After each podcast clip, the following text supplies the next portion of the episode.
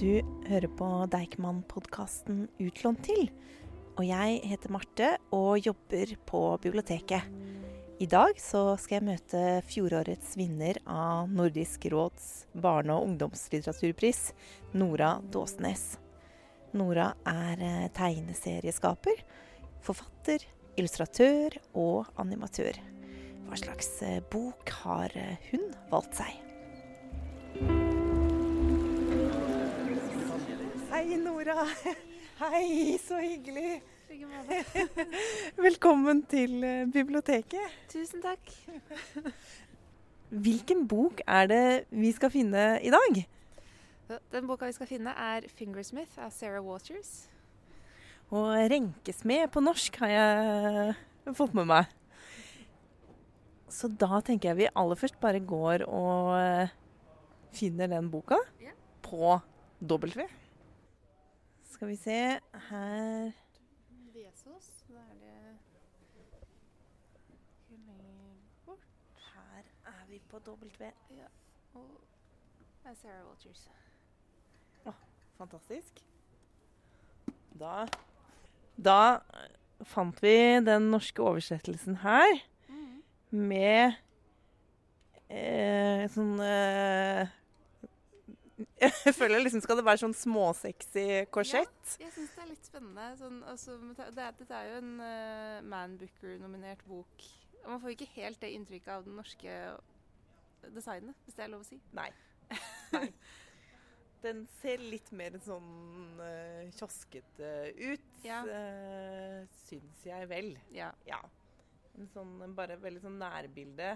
Litt blurry. Mm. Uskarpt. Med litt eh, sånn uh, effekt på bokstavene. Ja, ja. Og et korsett som kanskje har litt sånn en blodig farge. Det er mulig det er meningen, men det kan også bare se ut som et veldig sånn gammelt bilde, eller jeg vet ikke. Ja. Det var eh, ja. spennende valg.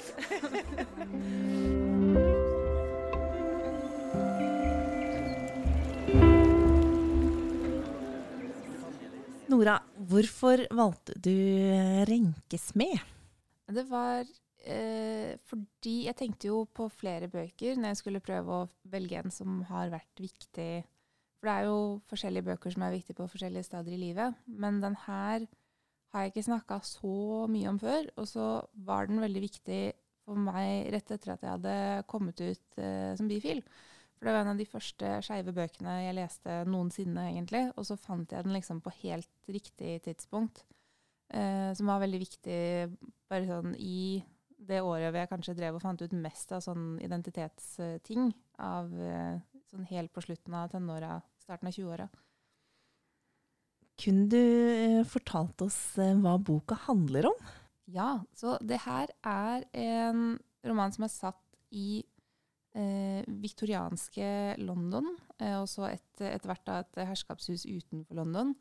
Eh, og den følger Sue, som vokser opp i et eh, litt sånn spesielt eh, barnehjem, hvor eh, det er mye babyer som kommer inn og så blir sendt litt kjapt ut igjen av en liksom matriark som driver og ordner dette stedet.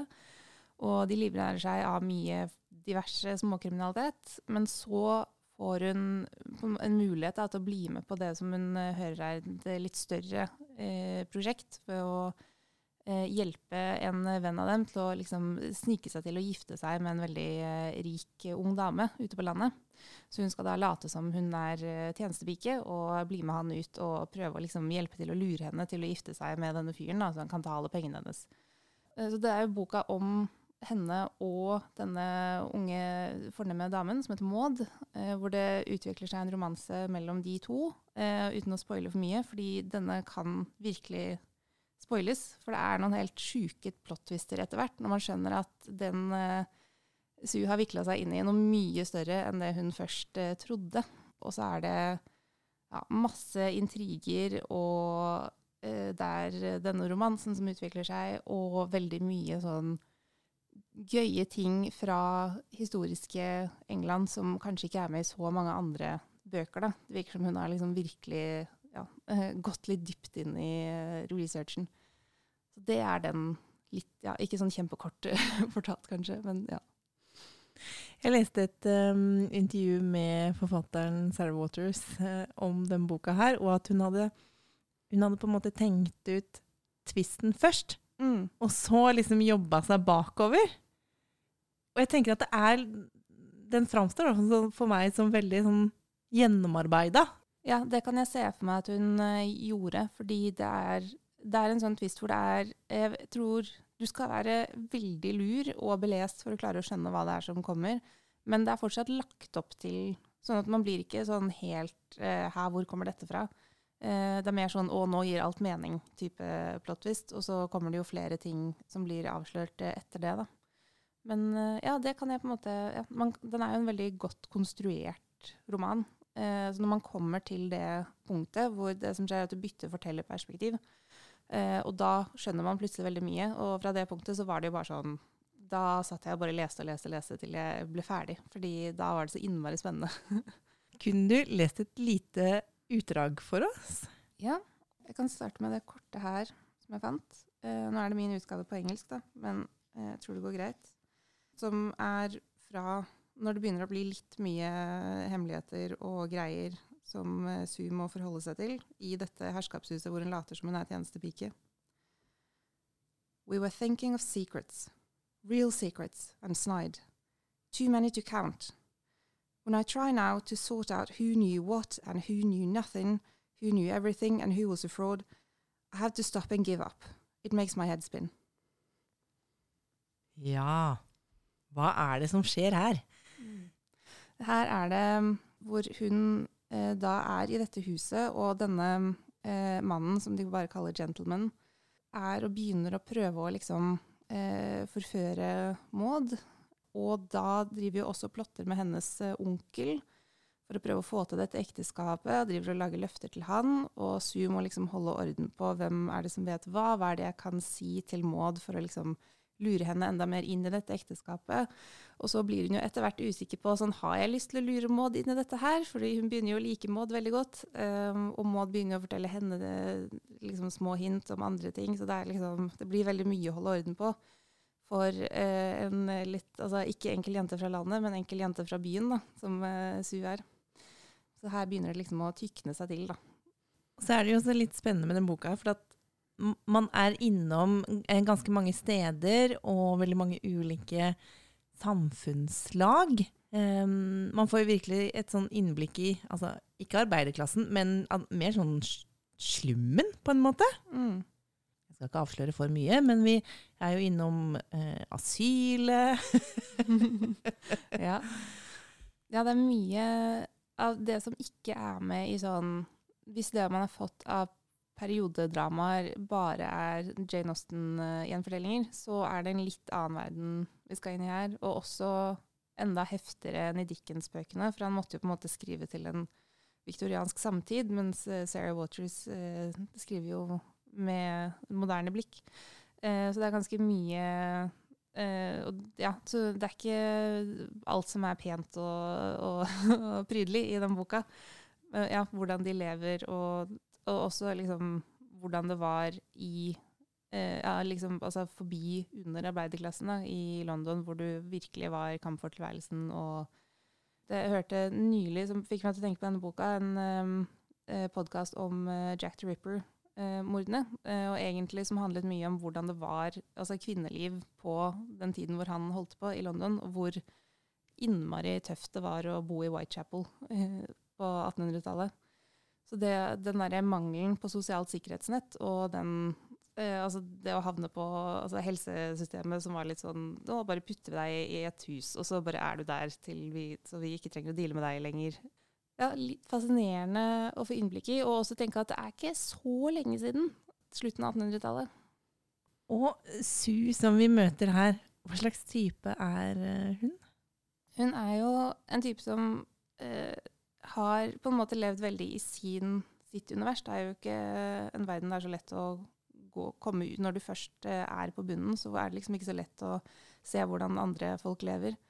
Så hun på en måte så er hun jo eh, Selv om hun har sett mye greier, så hun jo, har hun jo bare vært i sin lille boble. Og så skal hun plutselig ut og se hvordan den eh, øverste overklassen lever, og også i tillegg da prøve å late som hun er kapabel eh, tjenestepike, og klare å holde styr på alle disse plottene. Så hun er jo eh, litt sånn eh, Hun blir jo ganske lost, og i tillegg må liksom finne ut av hvem er det hun skal være oppi dette her.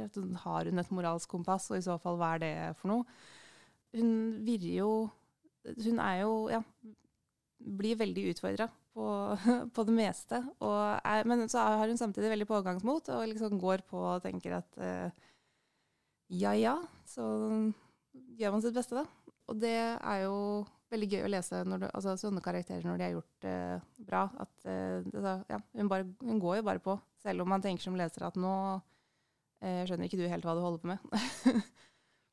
og så tenker jeg at det er så fint lagt opp, fordi først så får vi jo bare høre om Maud gjennom 'Gentleman', og, mm. sånn, og så Sue.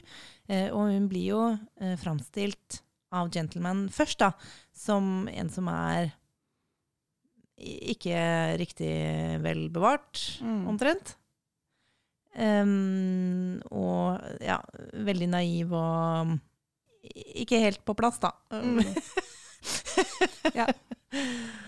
uh, og så møter Sue Maud, og hun er denne veldig sånn delikate uh, overklassepiken. Uh, går alltid med disse hanskene. Mm. Ja, hva, te hva tenker du om Maud? Hun er jo Mye av mysteriet i starten er jo på en måte hvem er Maud, og hva uh, altså For først så tenker man jo sånn at ja, hun er kanskje litt sånn stuck up-rik jente. Og så skjønner man jo at hun er jo Hun er jo mer sårbar enn det, og kanskje ikke så veldig slem, egentlig. Og så kommer man jo liksom nærmere og nærmere henne i den første delen. Og det som er eh, Som hun går inn i, er jo hele den hvordan altså, det var spesielt eh, overklassekvinner som på en måte ble utsatt for en annen type diskriminering enn de som jo bare ikke hadde noen ting i Whitechapel, hvor det er liksom du har ingen Så man blir liksom ikke ansett som en person som er, har personlighet, da, eller uh, menneskelighet, eller sånn bare Du skal bare være en brikke i det spillet som mennene holder på med, og helst bare gjøre sånn som de sier. og Hun blir jo systematisk undervurdert av alle. Og det eh, slår jo tilbake, kan man eh, si. eh, som jo er veldig gøy og veldig tilfredsstillende som leser. Man ser sånn Ja, det skulle de ikke tenkt, nei. Eh, om Maud. Mm. Tror du også det er litt sånn hevn fra forfatterens uh, side? Ja, jeg tenker jo det med mye Spesielt uh, det å skrive inn sånne type kvinnelige karakterer, også skeive karakterer, i historiske settinger. For det blir jo en sånn uh, og også en hvor de har så mye makt etter hvert, og klarer å ta så mye makt som de gjør i denne boka. Fordi når du vokser opp, så hører man jo bare om det som er fælt, om du hører om det i det hele tatt. da. Eh, og at det er liksom veldig stakkars og veldig synd på. Eh, og det er jo noe av det som er gøy med å lese denne boka, er at det er, det er, altså det er jo situasjoner hvor det er synd på dem, men det er også situasjoner hvor de på, altså pusher de moralske grensene litt på hva som er eh, greit, og hvor de klarer å ta makta tilbake og så det er jo noe av det som var veldig gøy med å lese den boka. Og finne ut at det gikk an å ha sånne historiske fortellinger også. Er Su en du kan kjenne deg litt igjen i? Eh, ja, jeg tenker spesielt akkurat da jeg leste den, fordi da var jeg også i at det nettopp hadde kommet ut, så jeg bodde i London, og jeg var på andre året av studiet mitt, og det var veldig mye sånn finne ut eh, hvem man er, hvor man hører til, og hvordan man skal oppføre seg i forskjellige settinger. Eh, så jeg tror jeg kjente meg veldig igjen i den å være litt sånn liten fisk i stor dam og prøve å skjønne hvor man, ja, hvor man passa inn, og hva man skulle opp, hvordan man skulle oppføre seg, og hvem man er. Og så er nok hun Hun er jo mye tøffere enn jeg var da. Eh, så det var litt deilig å lese om en som var like forvirra, men som bare er sånn Ja ja, men da prøver vi dette, og så ser vi åssen det går. Kan ikke gi opp, liksom. Jeg kjente meg jo igjen i spesielt den um, forvirringa, kanskje, som hun står i. Eh, hvordan var det liksom for deg å komme ut? Eh, det var jo sånn sosialt så var det veldig lite problematisk. For jeg har jo ikke jeg, jo, er jo heldig og har familie og venner som ikke syns det var noe big deal. Eh, så det var litt sånn gradvis bare eh, sånn Hei, eh, en saksopplysning om at eh, jeg har funnet ut at jeg er bifil, på en måte. Og så var det ikke så mye mer enn det. Eh, det bare følte at det var greit å si fra, sånn at folk ikke trodde jeg gikk og liksom skjulte det for dem etter at jeg hadde funnet ut av det sjøl.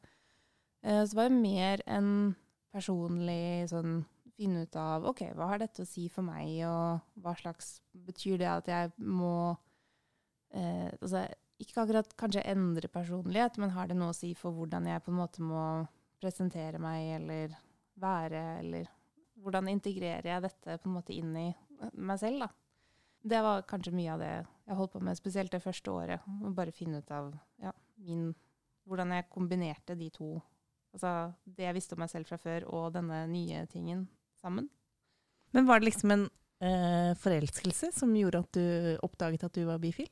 Eh, nei, det var jo det som var litt kjedelig. Fordi det var jo det alle hadde lyst til. eh, men det var noe så banalt som at jeg hadde jo gått hele tenåra og vært litt sånn mm, Er jeg streit, eller er jeg lesbisk? Og så kom Orange is the New Black på Netflix. Eh, og der er det en hovedperson som hvor, har en uh, altså mannekjæreste når serien starter, i hvert fall. da, Det går ikke så bra etter hvert. Og har en kvinnelig ekskjæreste. Og det var på en måte da jeg klarte å koble i hodet for første gang sånn ordentlig Å ja, du må ikke velge. Det går an å være bifil. Selv om jeg selvfølgelig visste at bifile fantes, så var det noe med at jeg klarte ikke koble det helt i hodet før jeg så det i en karakter. da. Så det er kanskje litt sånn jeg funker. Så da var det på en måte at jeg klarte å liksom få klikka det på plass. Uh, så da var det jo også litt sånn Det var derfor det ble veldig sånn Hei, bare en liten uh, fakta om meg som jeg har funnet ut av nylig. Fordi det var jo ikke noe sånn Her er min nye kjæreste. For det var jo ikke Det hadde jeg jo ikke. Og hvordan var det å komme til London med litt sånn ny identitet, kanskje? Eller ja, mm. hvordan var det? Eh, altså, det er jo det beste stedet på én måte, fordi det er jo en by hvor du kan være helt hvem som helst, og alle har sett det før, på en måte. Det er vanskelig å sjokkere londonere med hva du, hvordan du kler deg, eller ting du sier, eller Og det var jo kjempedeilig.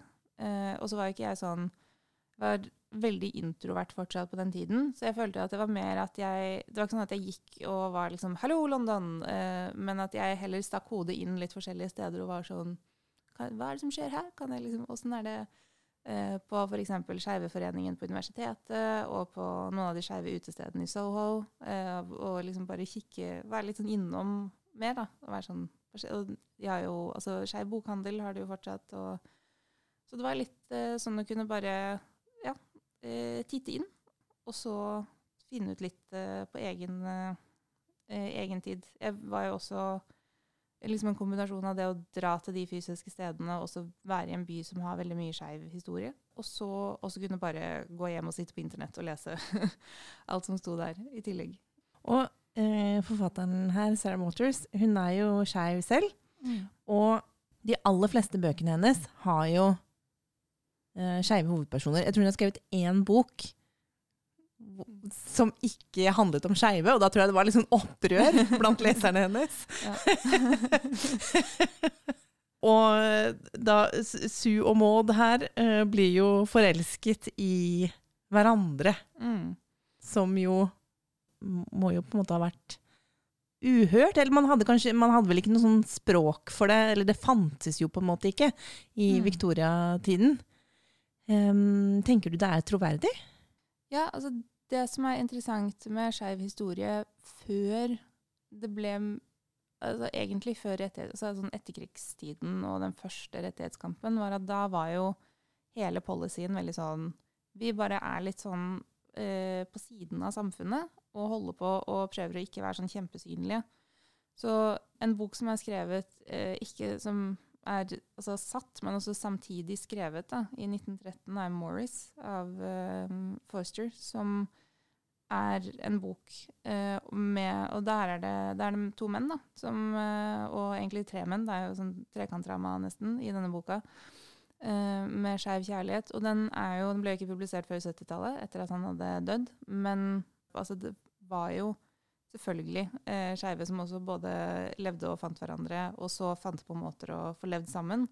Og Spesielt for damer så var ikke det så umulig, fordi det at to damer som var ugifte, levde sammen, var jo litt sånn Ja, men det er jo koselig at de kan liksom passe litt på hverandre og eh, leve som gode venninner, eh, som det ofte står. Eh, og så var det jo mange av dem som var litt mer enn gode venninner. Eh, og så det, kan jo ikke vi helt vite hvem av dem som bare var gode venner, og hvem som var forelska, men noen av dem var jo eh, absolutt det. Og, så jeg tenker at det er mange ting i denne boka som kanskje er litt usannsynlig eh, at skjedde akkurat sånn som de gjør. For det er jo en bok med ganske stort og dramatisk plott. Men det at du har to som, damer som blir forelska, og prøver å da komme seg ut av eh, samfunnsrollene sine for å få levd sammen, det tror jeg på at kan ha skjedd, ja. Jeg syns det er så morsomt. Jeg bare fant en sånn bitte liten setning. eh, Det her er fra Maud sitt uh, perspektiv. Mm. Og det er litt sånn i midten av boka hun forteller liksom sin, sin historie, da. Og så står det Men jeg er inne i skapet og lengter etter å komme ut. Ja. Det syns jeg var Ja. veldig gøy. Mm.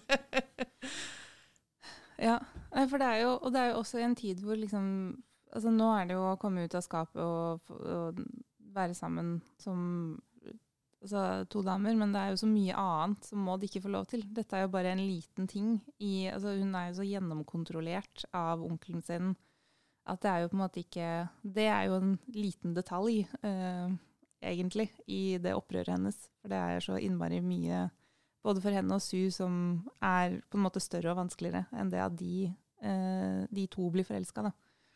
Eh, og det at klasseperspektivet jo egentlig er vanskeligere enn det at det er to damer. Eh, for det er jo eh, altså Spesielt på denne tiden, men det kan jo fortsatt være vanskelig i, i England hvis du er veldig liksom på forskjellig skala da, av inntekt, fordi det er så store kulturforskjeller. Jeg lurer på, Har du et avsnitt til som du kunne lest for oss? Ja, Det har jeg. Her begynner jo eh, Su. Dette kjenner jeg meg veldig igjen i. For jeg tror hun har på en måte ikke helt innrømmet for seg selv at hun er forelska i Maud. Eh, men her begynner det liksom å gjøre seg litt gjeldende, da. Hun, eh, det som skjer her, er at eh, gentleman begynner å nærme seg veldig det å få til eh, denne, dette plottet og ekteskapet med Maud for å ta alle pengene hennes. Og eh, Sue har egentlig begynt å bry seg litt mer enn hun har tenkt. Hun tenker liksom først her sånn Jeg skal liksom ikke blande meg i dette, og dette er eh, deres greie, og jeg skal bare få de penga jeg har blitt lovet, og komme meg tilbake til eh, min fostermor i London. But here was the curious thing.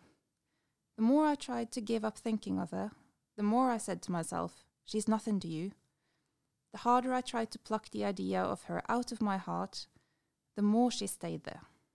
Ja. det var jo veldig fint. Så det er jo, og det er noen veldig fine sånn, scener mellom de to etter hvert. Og uh, hun skriver jo romanse veldig bra, syns jeg. Det traff meg veldig, i hvert fall, på, på det tidspunktet. Det å kunne liksom finne uh, måter å dagdrømme seg bort på i romanse, som jeg i hvert fall hele tiden hadde hatt med liksom eh, Og da var, hadde jeg bare sett streite eksempler på det i, på film og i bøker. At det, liksom, de store dagdrømromansene var jo alltid en mann og en dame.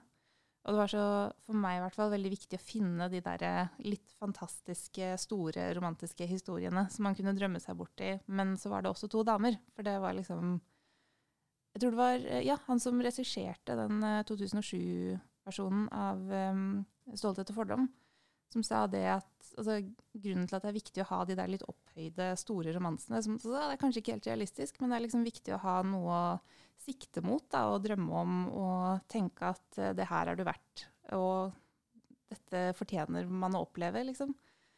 Uh, og det syns jeg er litt fint. Jeg tenker at det er derfor det er viktig å ha sånne skeive historier, hvor du har de der store eh, altoppslukende romansene, og plottet er kanskje altså ganske mye utover en hverdagsskildring. Da. At man får lov til å dagdrømme og tenke at eh, det her er jeg også verdt. Og så hvis man tenker hvis man er glad i sånn Charles Dickens og Wilkie Collins og sånn Jane Eyre og sånn, som jeg føler dette bygger jo litt på, på de bøkene der. Eh, det er jo mer skittent, det er mer kropp. Mm. Man får også mer det fra en kvinnes perspektiv, da. Og det skeive blikket i tillegg. Hva tror du Sarah Waters har hatt å si for den skeive litteraturen? Ledende, Jeg- kanskje. Ja. Nei, jeg tror jo Jeg tenker at hun har vært veldig viktig sånn hvert, altså, I hvert fall for meg.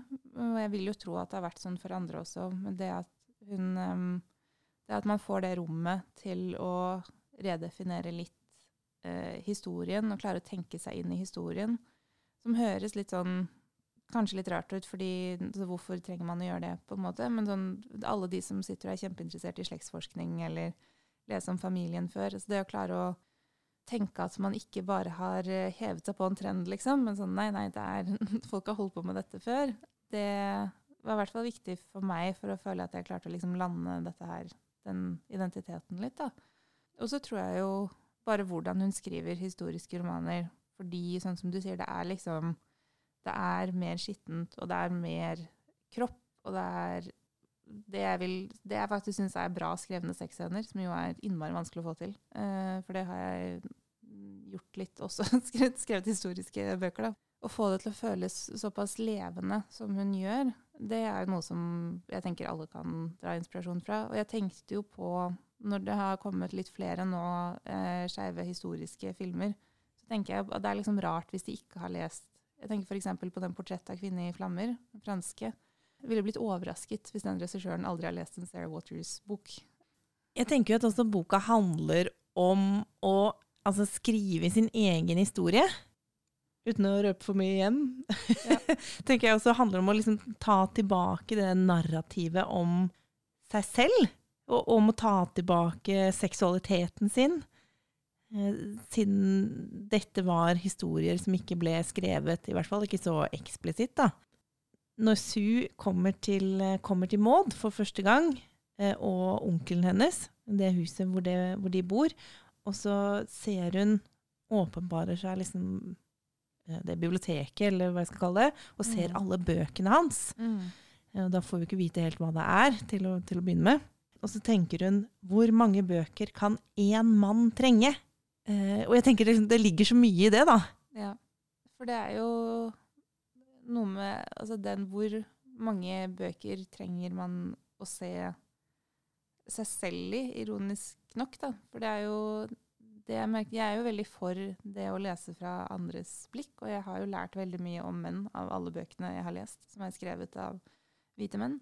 Men det er jo noe med å få Og det merker jeg jo også, det er jo derfor jeg syns det er sånn Jeg vil anbefale også folk som ikke er skeive damer å lese disse, fordi jeg får jo så mye ut av å lese bøker som er fra andre perspektiver enn mitt eget. Det er jo det som er, det som er gøy med bøker, at du får liksom Du kan jo komme inn i hodet til en annen person og skjønne litt sånn Å ja, det er sånn du ser verden, og sånn er det Sånn er liksom ditt blikk, da. Men akkurat det med å fortelle sin egen historie ligger jo veldig eksplisitt både i fortellingen og i ja, prosjektet til boka. Jeg tror det Ja, at de bibliotekene og alle Altså at du ikke bare er én historie som er Når du først skal ha så mange bøker, og så er det liksom det samme perspektivet i alle bøkene, da blir jo litt av poenget borte, på en måte. Det er veldig sant. Og tenk som forfatteren legger ut så mange sånne gøye ting til leseren. Den er veldig Den er så utrolig rik, da. Både, både språket og, eh, og, og sånne der eh, småting som man kan liksom skikkelig kose seg med. Du er jo eh, illustratør eh, også. Tenker liksom, du har jo har jo sånn blikk for eh, estetikk, da. Hva, hva tenker du liksom om estetikken i den boka her?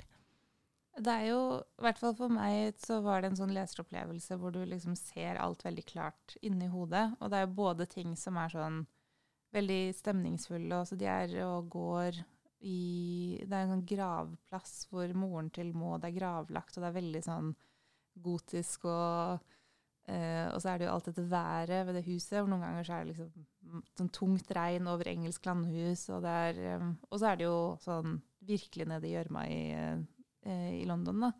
men det som jeg syns var fint med den også, var jo det å finne den derre Altså hvordan du gjør den på en måte viktorianske altså periodedramaestetikken, som jo er veldig viktig i den sjangeren, tenker jeg, da. Og som i hvert fall jeg var veldig sånn jeg syns det er noe av det gøye med å se historiske filmer og lese historiske bøker, er jo at du får alle de liksom, bildene og beskrivelsene av hvordan ting ser ut, og klesdrakter, og der er det også mye viktige detaljer da, i denne boka.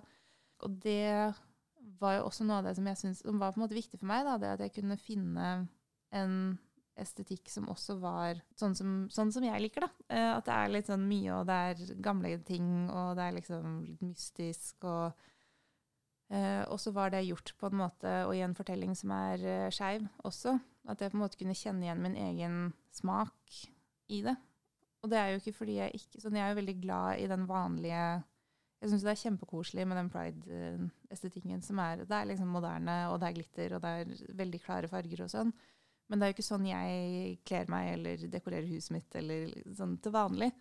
Så det å finne et sånt rom hvor jeg på en måte kunne ha Ja, dette passer inn på ja, Tumblr-bloggen min, da, da jeg holdt på med dette her i, da jeg leste boka først på, da jeg var sånn ja, 19. Eh, det var også veldig fint. Selv om det høres overfladisk ut, så var det liksom viktig for meg, da. Tenker du at den hjalp deg litt sånn i å navigere i din identitet som skeiv? Mm. Det jeg syns det var veldig For da oppdaget jeg jo litt at det var jo mange andre skeive som også likte veldig godt den typen estetikk. Og at det var liksom og det å skjønne at det var ikke bare én måte å være skeiv på. Litt som det å se alle de forskjellige miljøene i, London, så var det noe med å lese den boka og være sånn Å ja, det, du kan også fortsatt like historiske romaner med romanse og være litt opptatt av hva, hva, slags kjoler de hadde. Og det er liksom fortsatt uh, greit, da. Det, det, var liksom viktig der. Jeg heier på kjolene. Tusen takk, Nora, for denne veldig gøyale praten. Tusen takk for meg. Det var veldig, veldig fin start på dagen å bare snakke om eh, eh, skeiv romanse i viktoriatiden. Det må jeg egentlig gjøre mer, kjente jeg. Ja. og 'Renkes med' av Sarah Waters, som er eh, oversatt av Linn Øverås, den kan du låne her på biblioteket.